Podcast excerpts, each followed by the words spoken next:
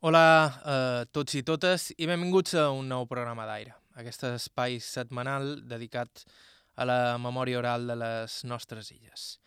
Avui amb el tercer testimoni centenari seguit i, curiosament, com el protagonista de la setmana anterior, Bartomeu Serra, va fer els anys aquest mateix gener, en concret dia de 8 de gener, fa unes setmanes.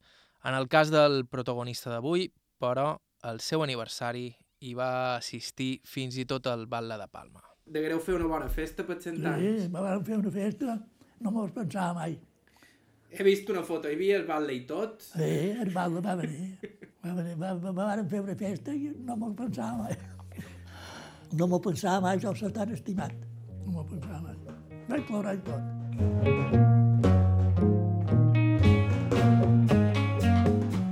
A nosaltres, després d'haver-lo conegut, no ens ve gens de nou que el nostre protagonista sigui tan estimat. Però, a més de la seva bonomia, en Biel Riera, que així és com es diu, és important per una raó tràgica i històrica, una raó que va marcar la seva vida i la de molta altra gent. Ell és l'única persona encara viva de les que varen ser empresonades a Camp Mi, a Palma, l'infame temple de la repressió franquista situat on és ara el conegut cinema Augusta.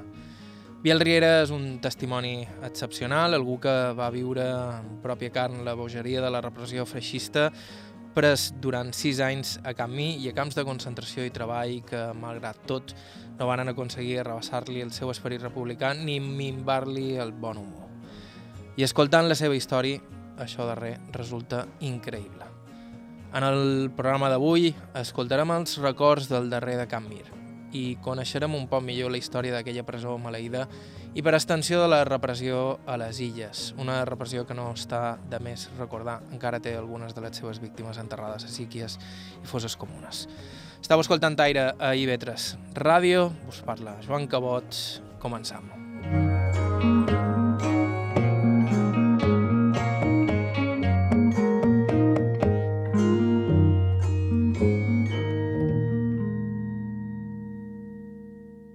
I començam, com és habitual, amb les presentacions. Som a la llar d'ancians de Palma, al carrer de General Riera. Aquí és on viu en Biel Riera des de fa uns 8 anys. Ell mateix es presenta. Gabriel Riera Sorell. Vaig néixer a Sant Joan, a 1919, de 8 de gener de 1919. És a dir, que vareu fet 100 anys fa Eh, res. Fa, fa, fa 8 dies, o, o 10. I quant de germans éreu? Un germà i una germana. I com eren els vostres pares? molt bons al·lots. Si n'hagués de tornar a tenir, vol dir tenir-los igual. Mon pare era ferrer. I tenia molta feina. No, ell va fer, fa fer 9 anys de feina en estren, En estren de en solla. estren de solla. Que feia peces per estren o... No, estava allà per reparació d'estren. I ma mare era eh, filla d'un forner. Vos vareu anar a escola. Sí, Volien que anéssiu a escola els vostres pares. sí, eh. Ma mare sobretot. Ma mare era més intel·ligent que mon pare, més instruïda. Havia anat a escola ella. Sí. Quant d'anys hi vareu anar a escola? Fins a 14 anys.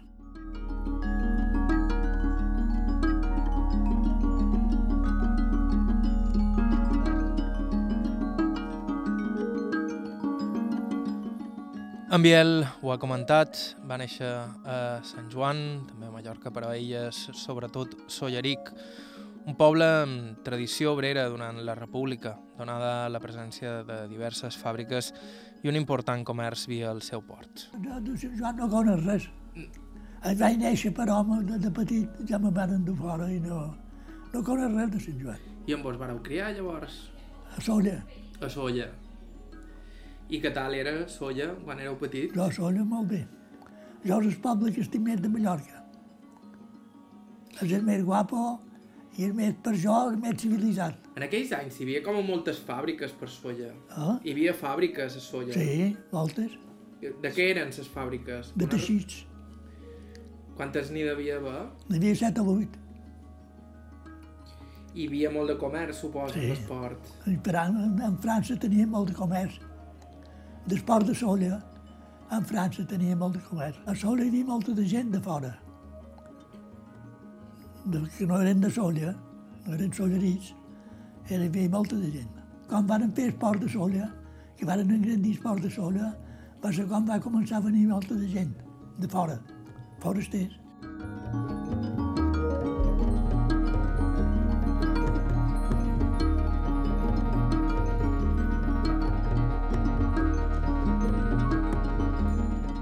I ja ho ha dit, son pare treballava al tren de Solla fent reparacions.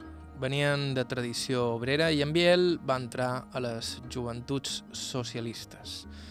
Això ja va ser prou raó perquè el detinguessin i acabar a la presó de Can Mir. De fet, per la presó franquista hi passaran tant pare com fill. Com és que hi vareu, que vos varen detenir? Jo perteneixia a les joventuts socialistes. I com és que hi vareu entrar a les joventuts socialistes? Hombre, com a simpatitzant amb altres, amb altres companyeros, i me van fer, i, vaig ingressar.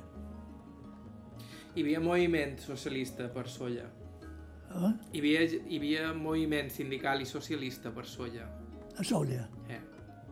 A Solla mon pare va estar, era secretari del sindicat, del sindicat metal·lúrgic. Del sindicat metal·lúrgic de Solla, mon pare va ser sindicat, el president.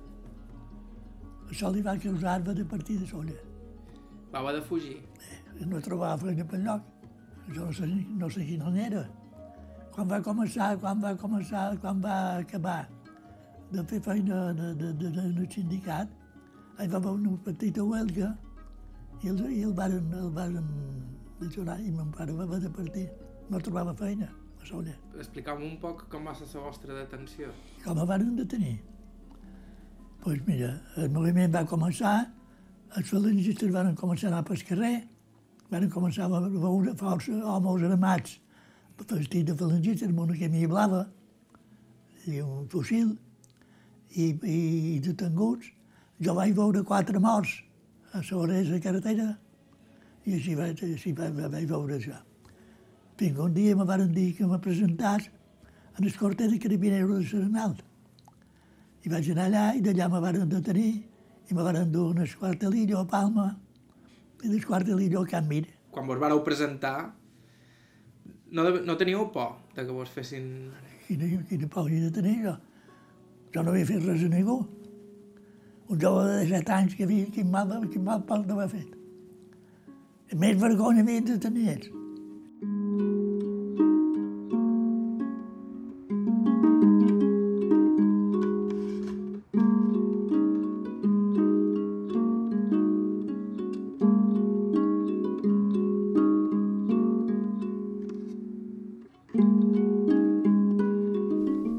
Vista en perspectiva, resulta increïble que en Biel es presentés voluntàriament, però en realitat hi ha una doble explicació.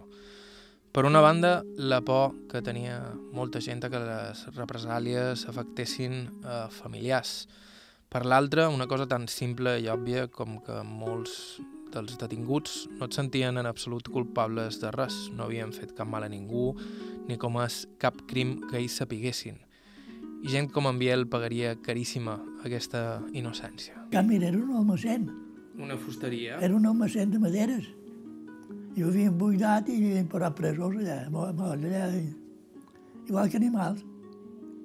I no hi havia cel·les. Eh? No hi havia cel·les. No, no, no. Tothom allà mateix. Tothom, tothom estava mullat allà. On se feia posta un altre per poder jeure i ja està. I quanta gent hi devia haver allà de dins? Ah. Quanta gent hi havia allà de dins? Allà dins, més, més de mil. Quan jo me'n vaig anar passaven els mil. Un, un, un desastre. I quant de temps hi vareu estar, vos?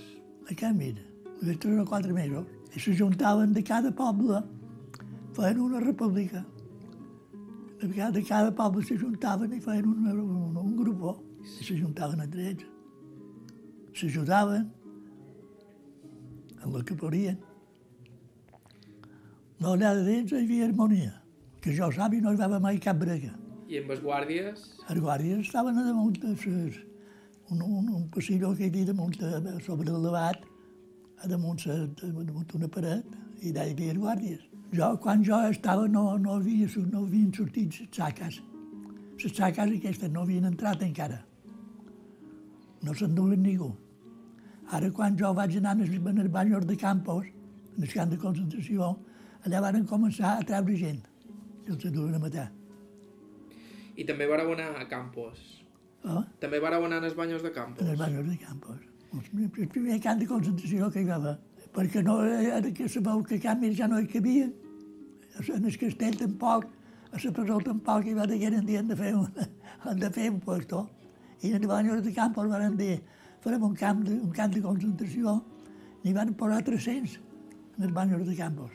Quant, quant de temps vareu estar allà? En els banyos. Fins que va, fins que va durar la feina. Llavors mos, mos, mos passaven d'un camp a un altre per arreglar carreteres. Ja. I teníeu només de 7 anys. Devíeu ser dels més joves que hi havia per allà. Del, me- del més jove. Com vos tractaven els altres presors? Aquí no mos tractaven molt malament.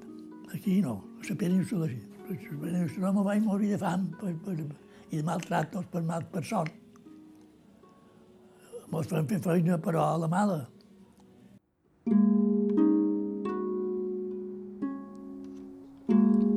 Recordem que quan el varen detenir, Biel Riera només tenia 17 anys.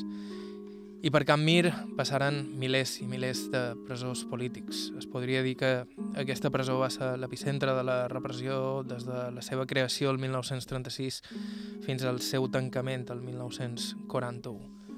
Abans havia estat un magatzem de fustes, però que es convertís en presó no va ser fruit de la improvisació. De fet, el professor i investigador Manel Suárez, un dels impulsors de l'Associació Memòria de Mallorca, ens explica que la repressió va tenir ben poc d'improvisat, va ser preparada consciència i sistemàtica. Ens trobam amb ella Calvià, precisament just al costat del bosc de la memòria, que es troba darrere l'Institut de Vendinat. L'escoltam. Hi va haver eh, certa improvisació eh, a l'hora dels establiments penitenciaris, però tampoc sense que fos una cosa des darrer moment. Eh, la presó de Can Mi, tot d'una, l'habilitat, començaren les feines per habilitar-la com a presó a partir del 19 de juliol. Per tant, vol dir que abans hi havia hagut ja eh, la planificació d'emprar aquell lloc eh, com a presó. Per què aquell indret? Home, jo crec que per diversos motius. Un, que era una nau molt grossa i fàcilment controlable. El segon, que estava en el centre de Palma i servia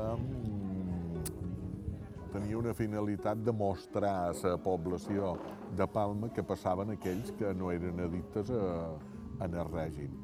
I en tercer lloc perquè estava molt a prop de totes les línies de comunicació de la part forana, que eren els trens.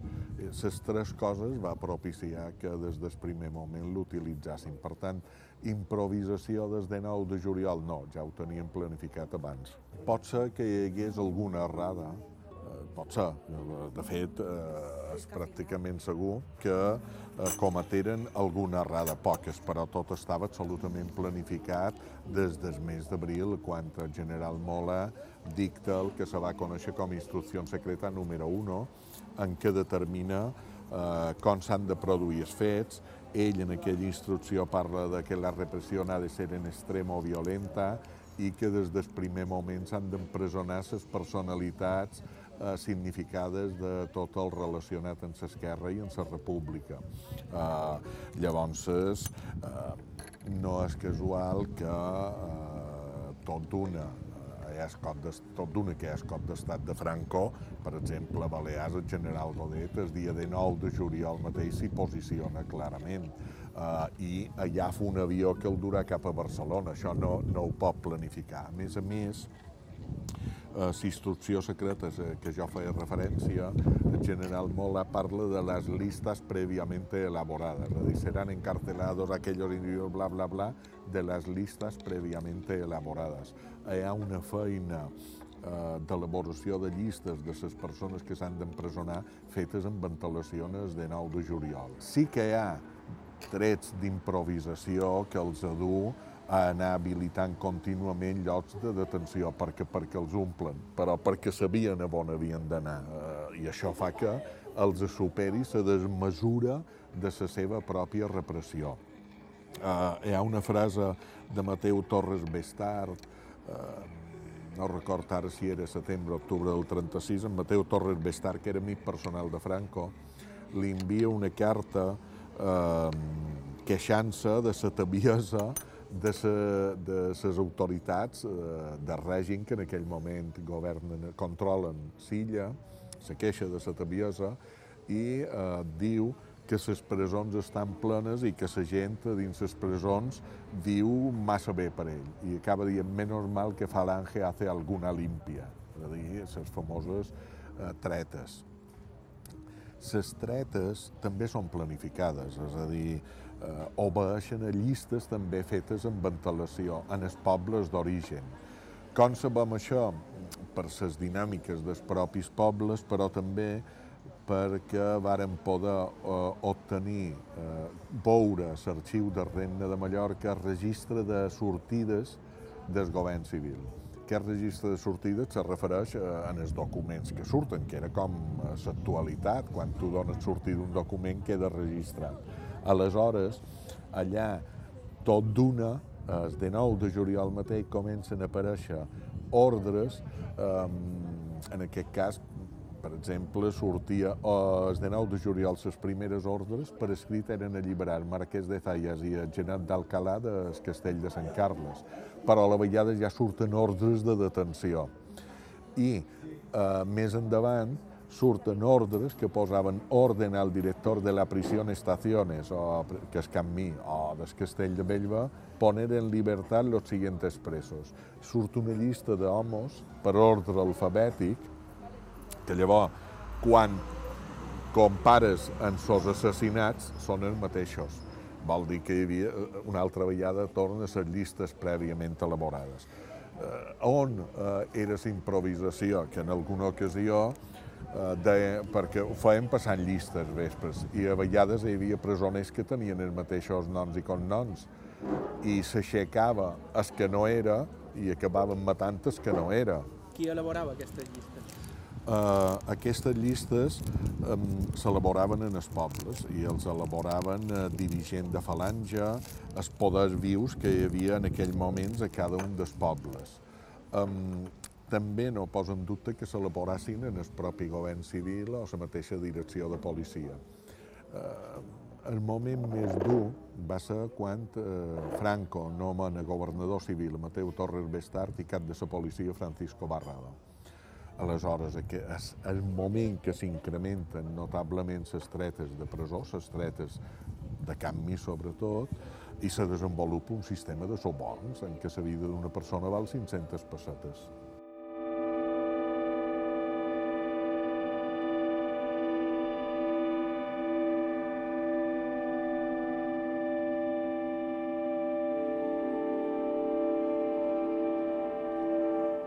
Era Manel Suárez, professor i investigador, autor dels llibres La presó de Can Mir, un exemple de repressió feixista durant la Guerra Civil a Mallorca, i Suborns i tretes a la presó de Can Mir, tots dos publicats per Lleonard Montaner, entre d'altres.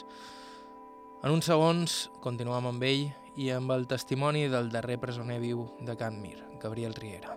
Estau escoltant Aire, fem una breu pausa i continuem.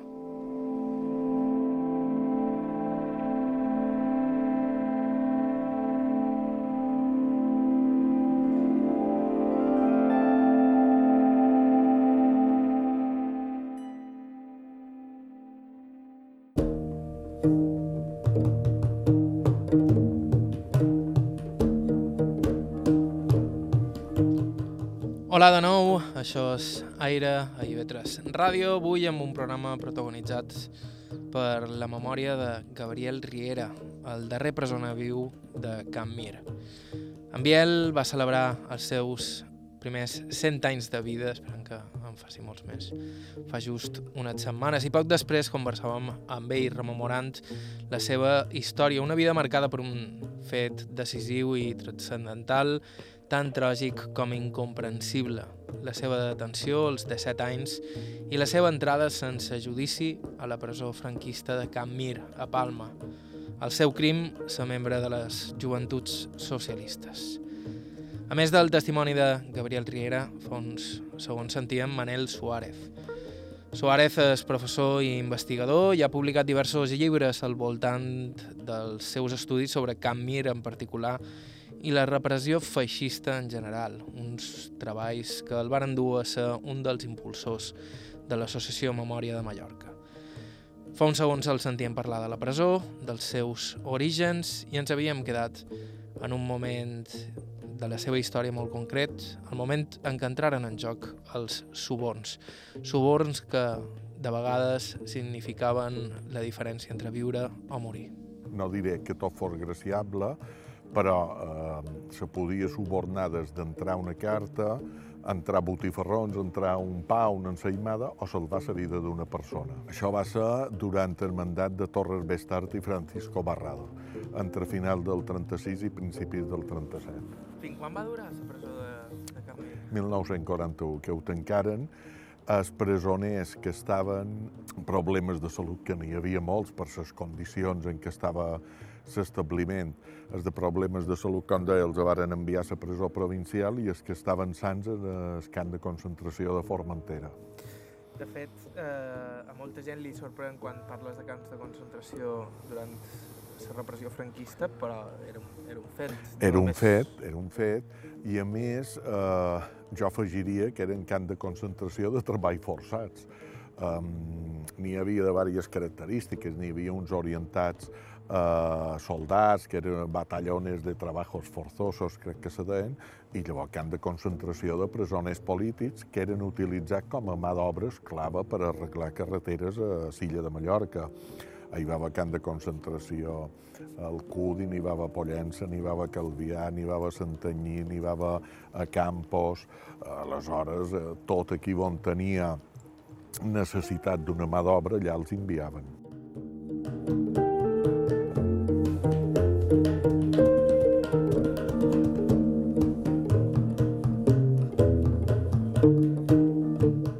Biel Riera seria una d'aquestes persones obligades a treballar forçosament.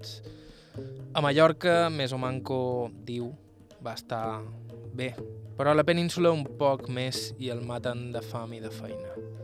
En total va estar 4 anys a camps de concentració mallorquins, fent feina forçada, i dos més a diversos indrets fora de l'illa a la península. I on vareu estar de la península? Aquí vàrem estar tancat fins que vàrem acabar a camp militar, com a soldats, presos. I llavors varen quedar, d'haver, no sé si eren 59 o 69 que quedàvem. I mos varen dur la península. En vez de mollar-nos. De, de dir, ara, pues, tot que s'ha acabat els amollam, pues no, mos varen dur la península. A Madrid. I de Madrid mos varen dur eh, a, Tetuán, en el Marroc espanyol, a l'aeroport, a un camp de concentració a l'aeroport. I d'allà jo vaig veure la frontera francesa a prop i vaig fugir. Vaig, vaig fugir, jo fugia de cap a França, però me van agafar a 8 quilòmetres de la frontera. Jo i tres més. I d'allò eh, me van dur a, a la presó de Tetuán, que per cert, a la presó de Tetuán el director me'l va rebre molt malament. I jo vaig arribar a estar enxufat a, la, pres- a, les oficines de la presó. El director, sí. I el mateix director, jo me va arribar a posar enxufat a les oficines, ordenant-se les ofici- les oficines de la presó.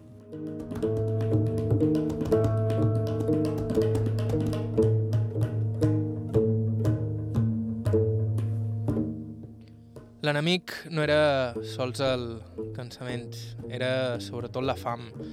En Biel recorda perfectament la dieta a Camp Mir, a base de moniatos i mongetes. Com vos alimentàveu? Perquè, perquè Moni- Moniatos i mongetes.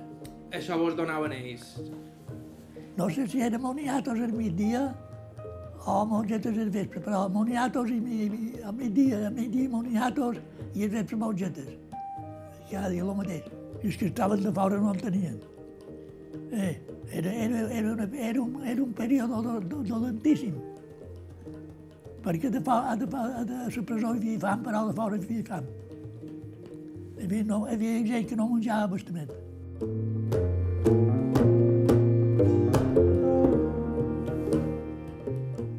I un cop el varen traslladar a la península, la fam encara va ser més extrema. Aquests dos anys ho vaig passar a morir-me, Aquests dos anys que, que estàveu a a la morir-me. No me vaig morir de- de- d'això. Vaig jo d'accedir en els caragols. En els caragols crus, però. Jo he menjat caragol crus, de fam. I si creu que és, que, és una broma, són molt mal de tragar. Les esclafava, la llevava la closca i vist. I són de tragar. Jo vaig entrar a l'Hospital de Còrdoba, l'Hospital Militar de Còrdoba, pesant 40 quilos. Un esqueleto. Que, per cert, en el, en el capità, que era el, el metge meu, li varen dir perquè és que no me donava d'alta, que jo ja estava en l'hospital, ja estava jo bé. I, va dir, I jo li vaig dir un dia, eh, li vaig dir, n'hi ha que me demanen perquè no me dona d'alta. Digo, ¿y cómo te voy a dar de alta si yo sabía dónde tenías que ir otra vez? Él sabía que yo vivo con mort de fam, de m'havia de tornar a enviar. He contado tot el que podia. A no donar més alta. Era bon lot, un home de bon cor, i devia dir, si et donar d'alta, tornaré a enviar al camp i allà el tornarem a matar de fam.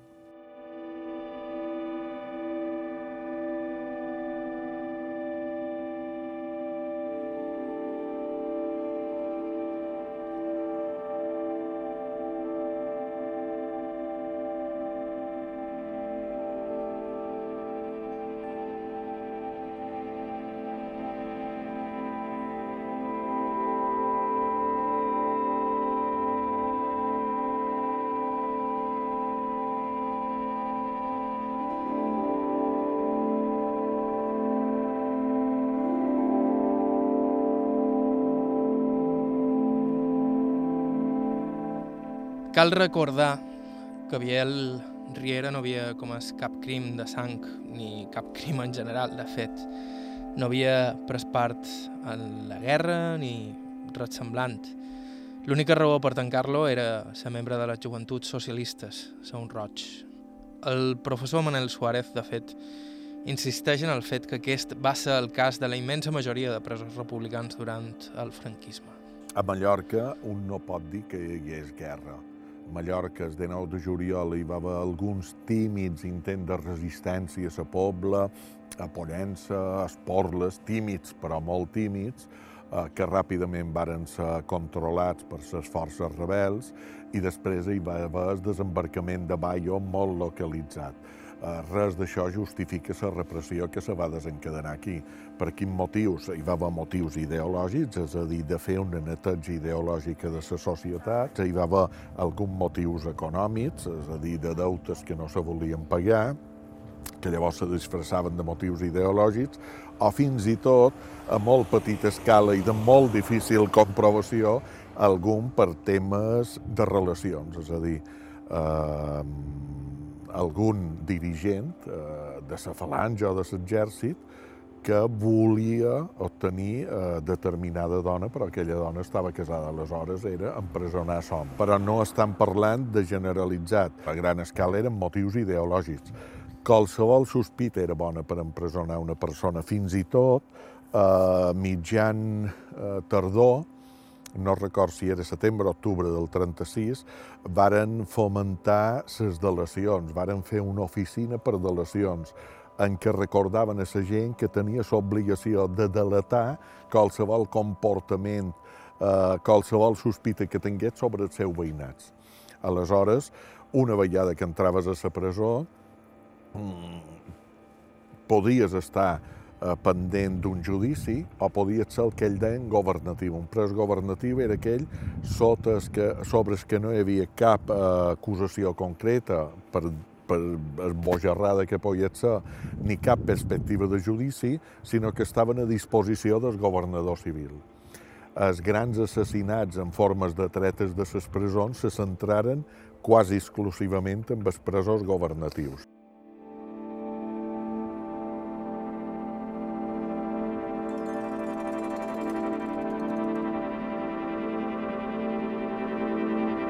Biel Riera seria un d'aquests presos. En cap moment va ser jutjat i així tot va estar pres i fent treballs forçats durant sis anys. I així tot encara pot dir que va tenir sort. No va acabar mort per una cuneta o fusellat durant una de les habituals tretes. Hi ha un primer moment en què agafen la gent de casa seva i el mateix dia els aduen a una vorera de carretera i els assassinen, podrien qualificar-ho de segrest. Uh, hi ha un segon moment que hi ha la gent tancada dins la presó, van a cercar-la allà i l'assassinen. Hi ha una tercera sistemàtica que són els afusellaments. En què se diferencien els afusellaments dels altres dos sistemes d'assassinat? En què són prèvia una paròdia de judici, però passen per un judici. Els judicis dels tribunals franquistes eh, tenen característiques eh, que, que, que fonamenten que els declarin nuls d'una vegada per totes. Primer, els tribunals eren militars, per tant, hi havia militars jutjant a civils. Però no han de pensar en tribunals com els que ara coneixem. El jutge era un militar, no era un jutge. L'advocat defensor era un militar, no era un advocat, era un militar triat. I el fiscal sí que era fiscal, un d'ells era Ricardo Mulafiol, especialista en demanar penes de mort. Després, eh, l'altre plantejament que feien és que se tractava de judicis sumaríssims. Judici sumaríssim eh, significa reduir tots els temps del judici. Això vol dir reduir tots els terminis. Se feien un de matí a una hora baixa i allà s'acabava, i llavors dictaven sentència. I la tercera característica, que no se tractava de demostrar la culpabilitat, sinó que una vegada que una persona l'acusaven d'alguna cosa, aquella persona havia de demostrar la seva innocència. És a dir, l'acusació, per dir-ho en termes col·loquials, era gratuïta, però va costar vides.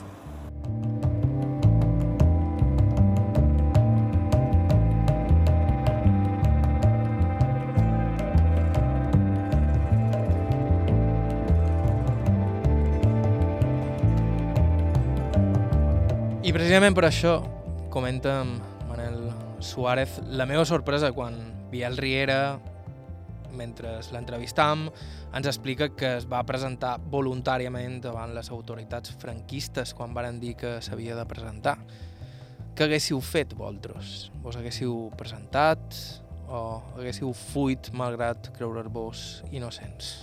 Jo he conegut bastant de casos. Um, en un principi jo també me passava que, que deies, com és possible? Però llavors entens primer gent que se presenta perquè està convençuda de la seva innocència, perquè eren innocents.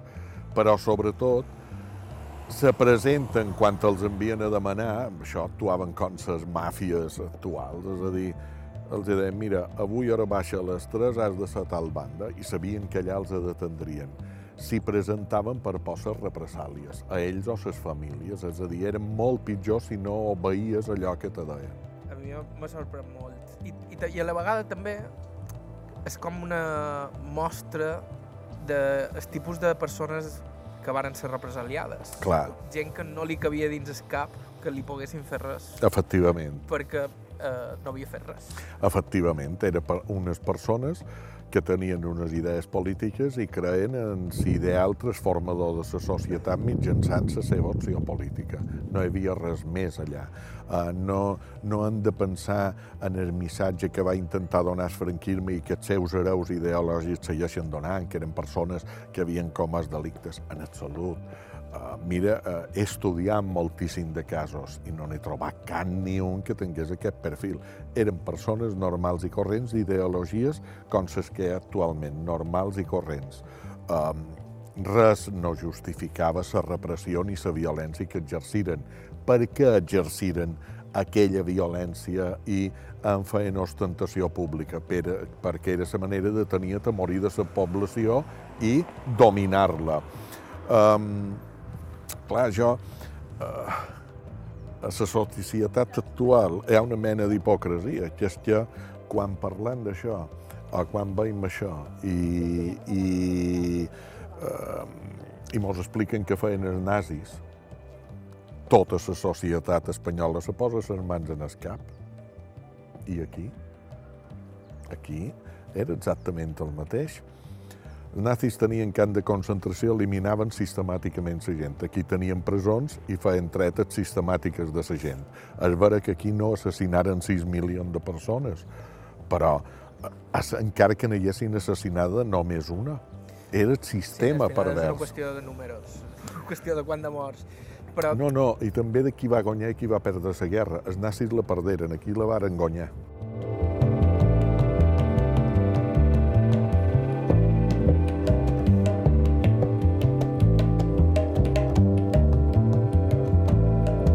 Estau escoltant Aire a IB3 Ràdio. Fem una breu pausa. En uns segons tornem amb la història de Gabriel Riera, que, malgrat tot, ha tingut un final feliç.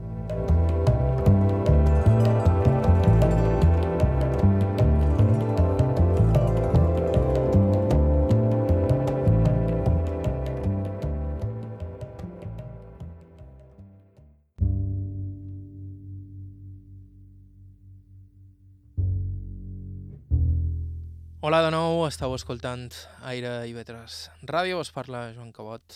Reprenem el programa d'avui que vos record podeu recuperar des del principi en qualsevol moment a ivetres.org barra ràdio o bé via iTunes o qualsevol altre sistema per escoltar podcasts.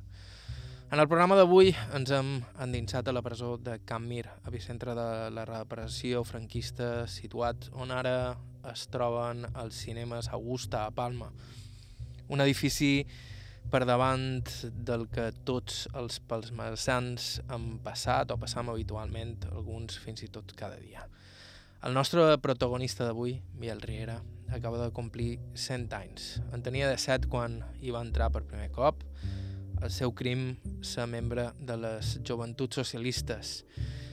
No li varen demanar però segur que en Biel deu sentir calfreds cada cop que passa per davant d'aquells cinemes.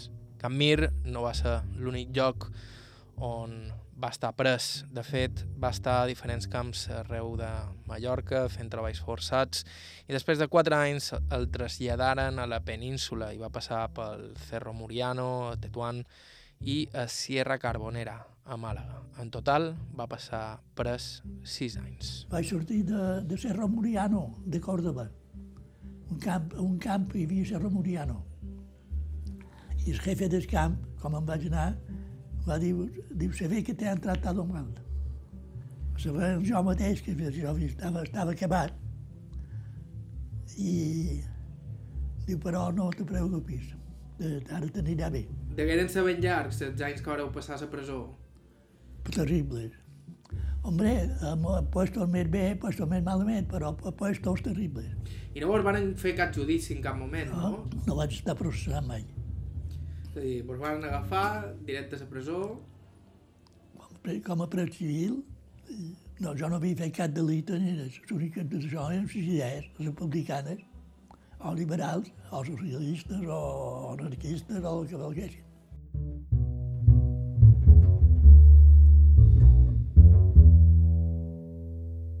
Quant d'anys vareu estar pres? Sis. Sis anys. És a dir, vareu entrar en 17 anys i vareu sortir en 23. Eh? En 23 anys vareu sortir. Jo dos anys de mili. La vida la vaig fer bé. Vaig acabar d'instructor. I ara de veure un enemigo del franquismo acabant d'instructor militar. I on vareu fer servei militar? A Palma. Me van enviar en llibertat de cap a, de cap a el que m'havia de presentar a la, caixa de reclutes. I la caixa de reclutes hi havia, hi havia la guerra europea o la guerra mundial. I entre la guerra mundial i això estaven, si, si mobilitzaven tropes o si no, llicenciaven, si no. I el 40, això era la quinta del 40, estava, eh, estava com si com sa. I es, que, y es capitán de casa de reclutas, Mati diu, diu, no, diu, de momento lo mandaré a su casa y usted se presenta cada medio año, cada mes o cada dos meses viene y se presenta. I jo ja miraré.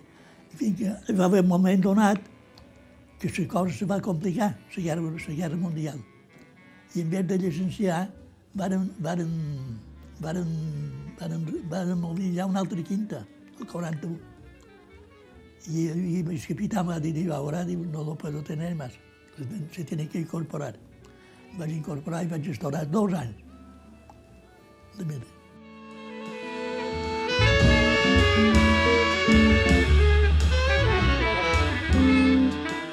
Després d'aquells dos anys, en Biel s'instal·laria a Palma, on va treballar en la construcció del dic de l'Oest, una feina dura i mal pagada.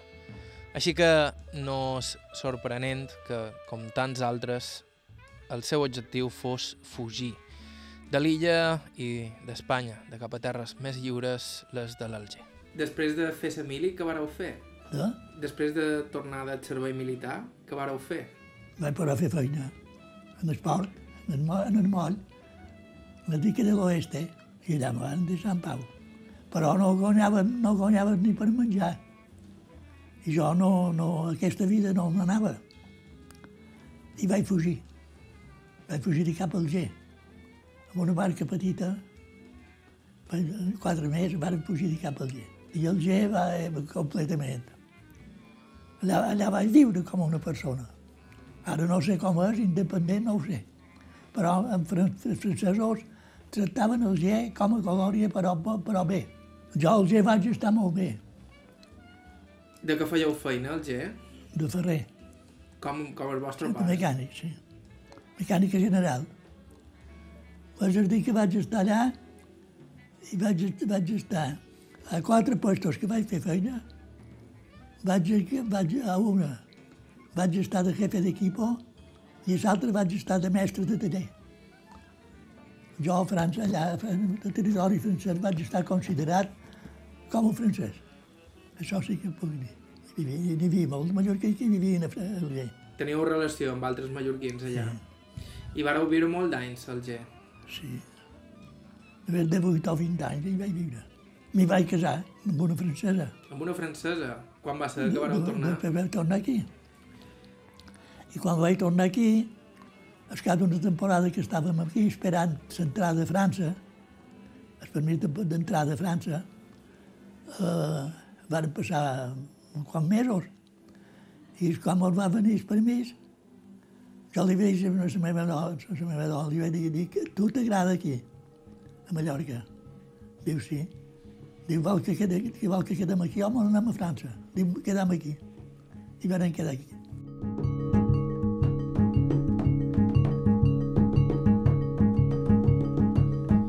Un final feliç per una història increïble i terrible. Recordem que d'una família de quatre membres, en Biel i son pare passarien bastants anys tancats. En Biel 6, son pare 10, amb l'afegit de ser condemnat a més a mort, encara que finalment no es va executar la pena. I tot pel simple fet de defensar unes idees o tenir-les. Quantes famílies, com la d'en Biel, va destrossar la repressió franquista. Tot aquest temps que, està, que vares estar eh, pres i a camps de concentracions, te, tenies contacte amb la teva família? Amb la meva, amb la meva família, sí. Jo no la vaig perdre mai. Ma mare que tenia mon pare i jo. Mon pare va estar a Palma, a Formentera i a Alicant. Va sortir d'Alicant. Va estar condemnat a pena de mort. El van indultar. I quant d'anys va estar pres? vostre Deu anys. Deu anys, més que vos. Sí. Ma mare va... Que era la nota. Tan bona dona com era. Que Hi ha coses increïbles, perquè tots tenim mare. Però jo, ma mare, com ma mare, no n'hi havia cap. No n'hi ha hagut cap. Jo crec que no hi ha hagut cap dona mai tan bona dona com ma mare. Mos estimava molt. I nosaltres a ella. Ma mare sé quina dona més bona dona. Locos, locos. No parlin de franquisme perquè tots eren locos. Començant per Franco, el primer.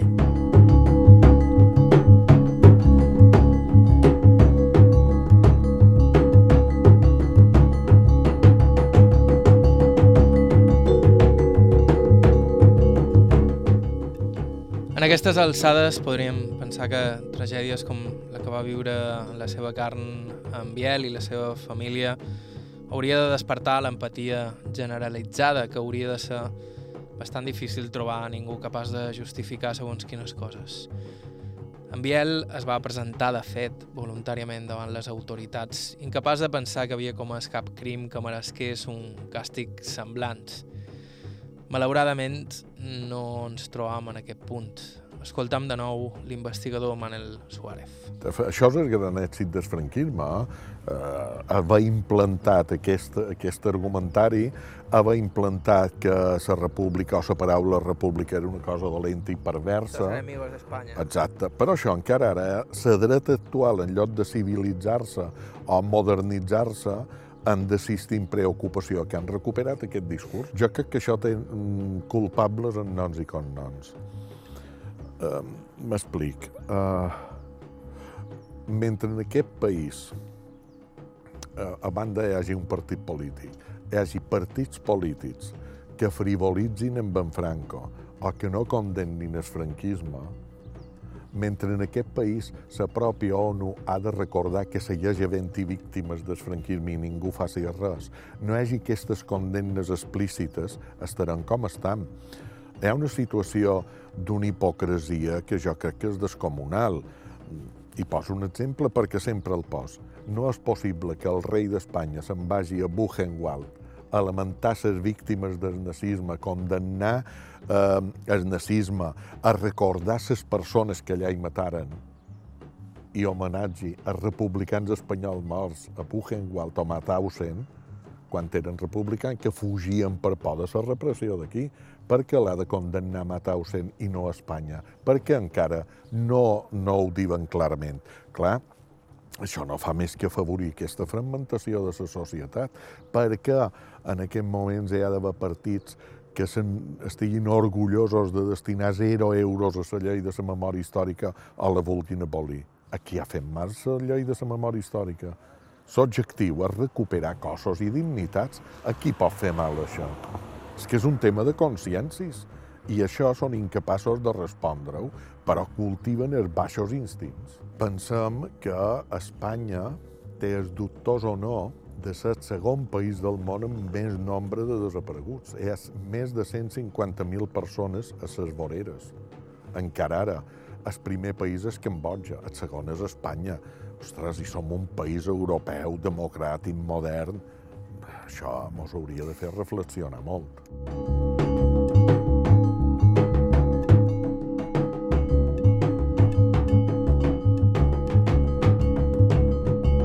guerra és un enfrontament entre dos bàndols. La repressió, la violència que exerceix un determinat grup de gent sobre un territori eh, que ja no, sobre el qual no hi ha cap conflicte bèl·lic. És vera que en un primer moment hi va haver una repressió incontrolada a les zones eh, lleials a la república. Per exemple, a Catalunya o, per exemple, a Menorca, és vera. I aquestes són víctimes eh, que s'han de condemnar. El que passa és que aquestes víctimes han tingut el reconeixement social i el reconeixement del govern. I nosaltres estem parlant de les altres víctimes, les que no pogueren fugir, eh, no del front de guerra, les que van encuir a seva, les que van encuir pel carrer i les mataren sense que hi hagués cap tipus de confrontació entre ells. Clar, parlant d'aquest tipus de víctimes, mm, aleshores, eh, això no eren més que assassinats. Aquí estem, darrere nosaltres, hi ha el bot de la memòria, hi ha més de 130 plaques. Aquestes persones que hi ha aquí darrere no participaren en cap enfrontament armat, les mataren i s'ha acabat. O les torturaren i les mataren, o d'altres les torturaren i les alliberaren. On mos du això? Per què va servir? Quina justificació té això? No té cap ni una. Per què en Biel no de recuperar la seva història? Quina classe de personatge perillós és en Biel Riera. Se resumeix en això. Basta parlar dos minutets amb Biel Riera per saber que cap raó hi havia. I de fet, fins i tot avui dia, després de passar el que va passar, sembla incapaç de cap mal. I pot ser aquesta sigui la més gran de les victòries, la pòstuma. Potser guanyaren la guerra i encara estem lluny de que el dolor de les víctimes sigui justament reconegut, Però a gent com en Biel no sols no el varen aconseguir tombar, sinó que ell encara avui continua fidel a les idees que el van dur a la presó. Jo era republicà quan va començar la república i som republicà encara no ho nec. El meu esperit és republicà, no és monàrquic. Jo la monarquia per jo no, no té valor. És el que el poble elegeix el que val. Per això. Perquè no vaig equivocat. Gabriel Riera Sorell acaba de celebrar els seus 100 anys de vida.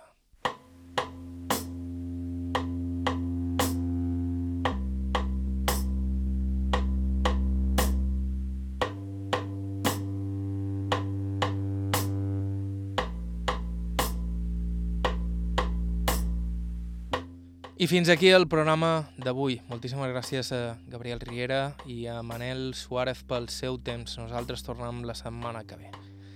Si teniu propostes d'entrevista o us voleu posar en contacte amb nosaltres per qualsevol altra cosa, ens podeu escriure a aire.ivetresradio.com i també ens podeu seguir a Facebook i Instagram.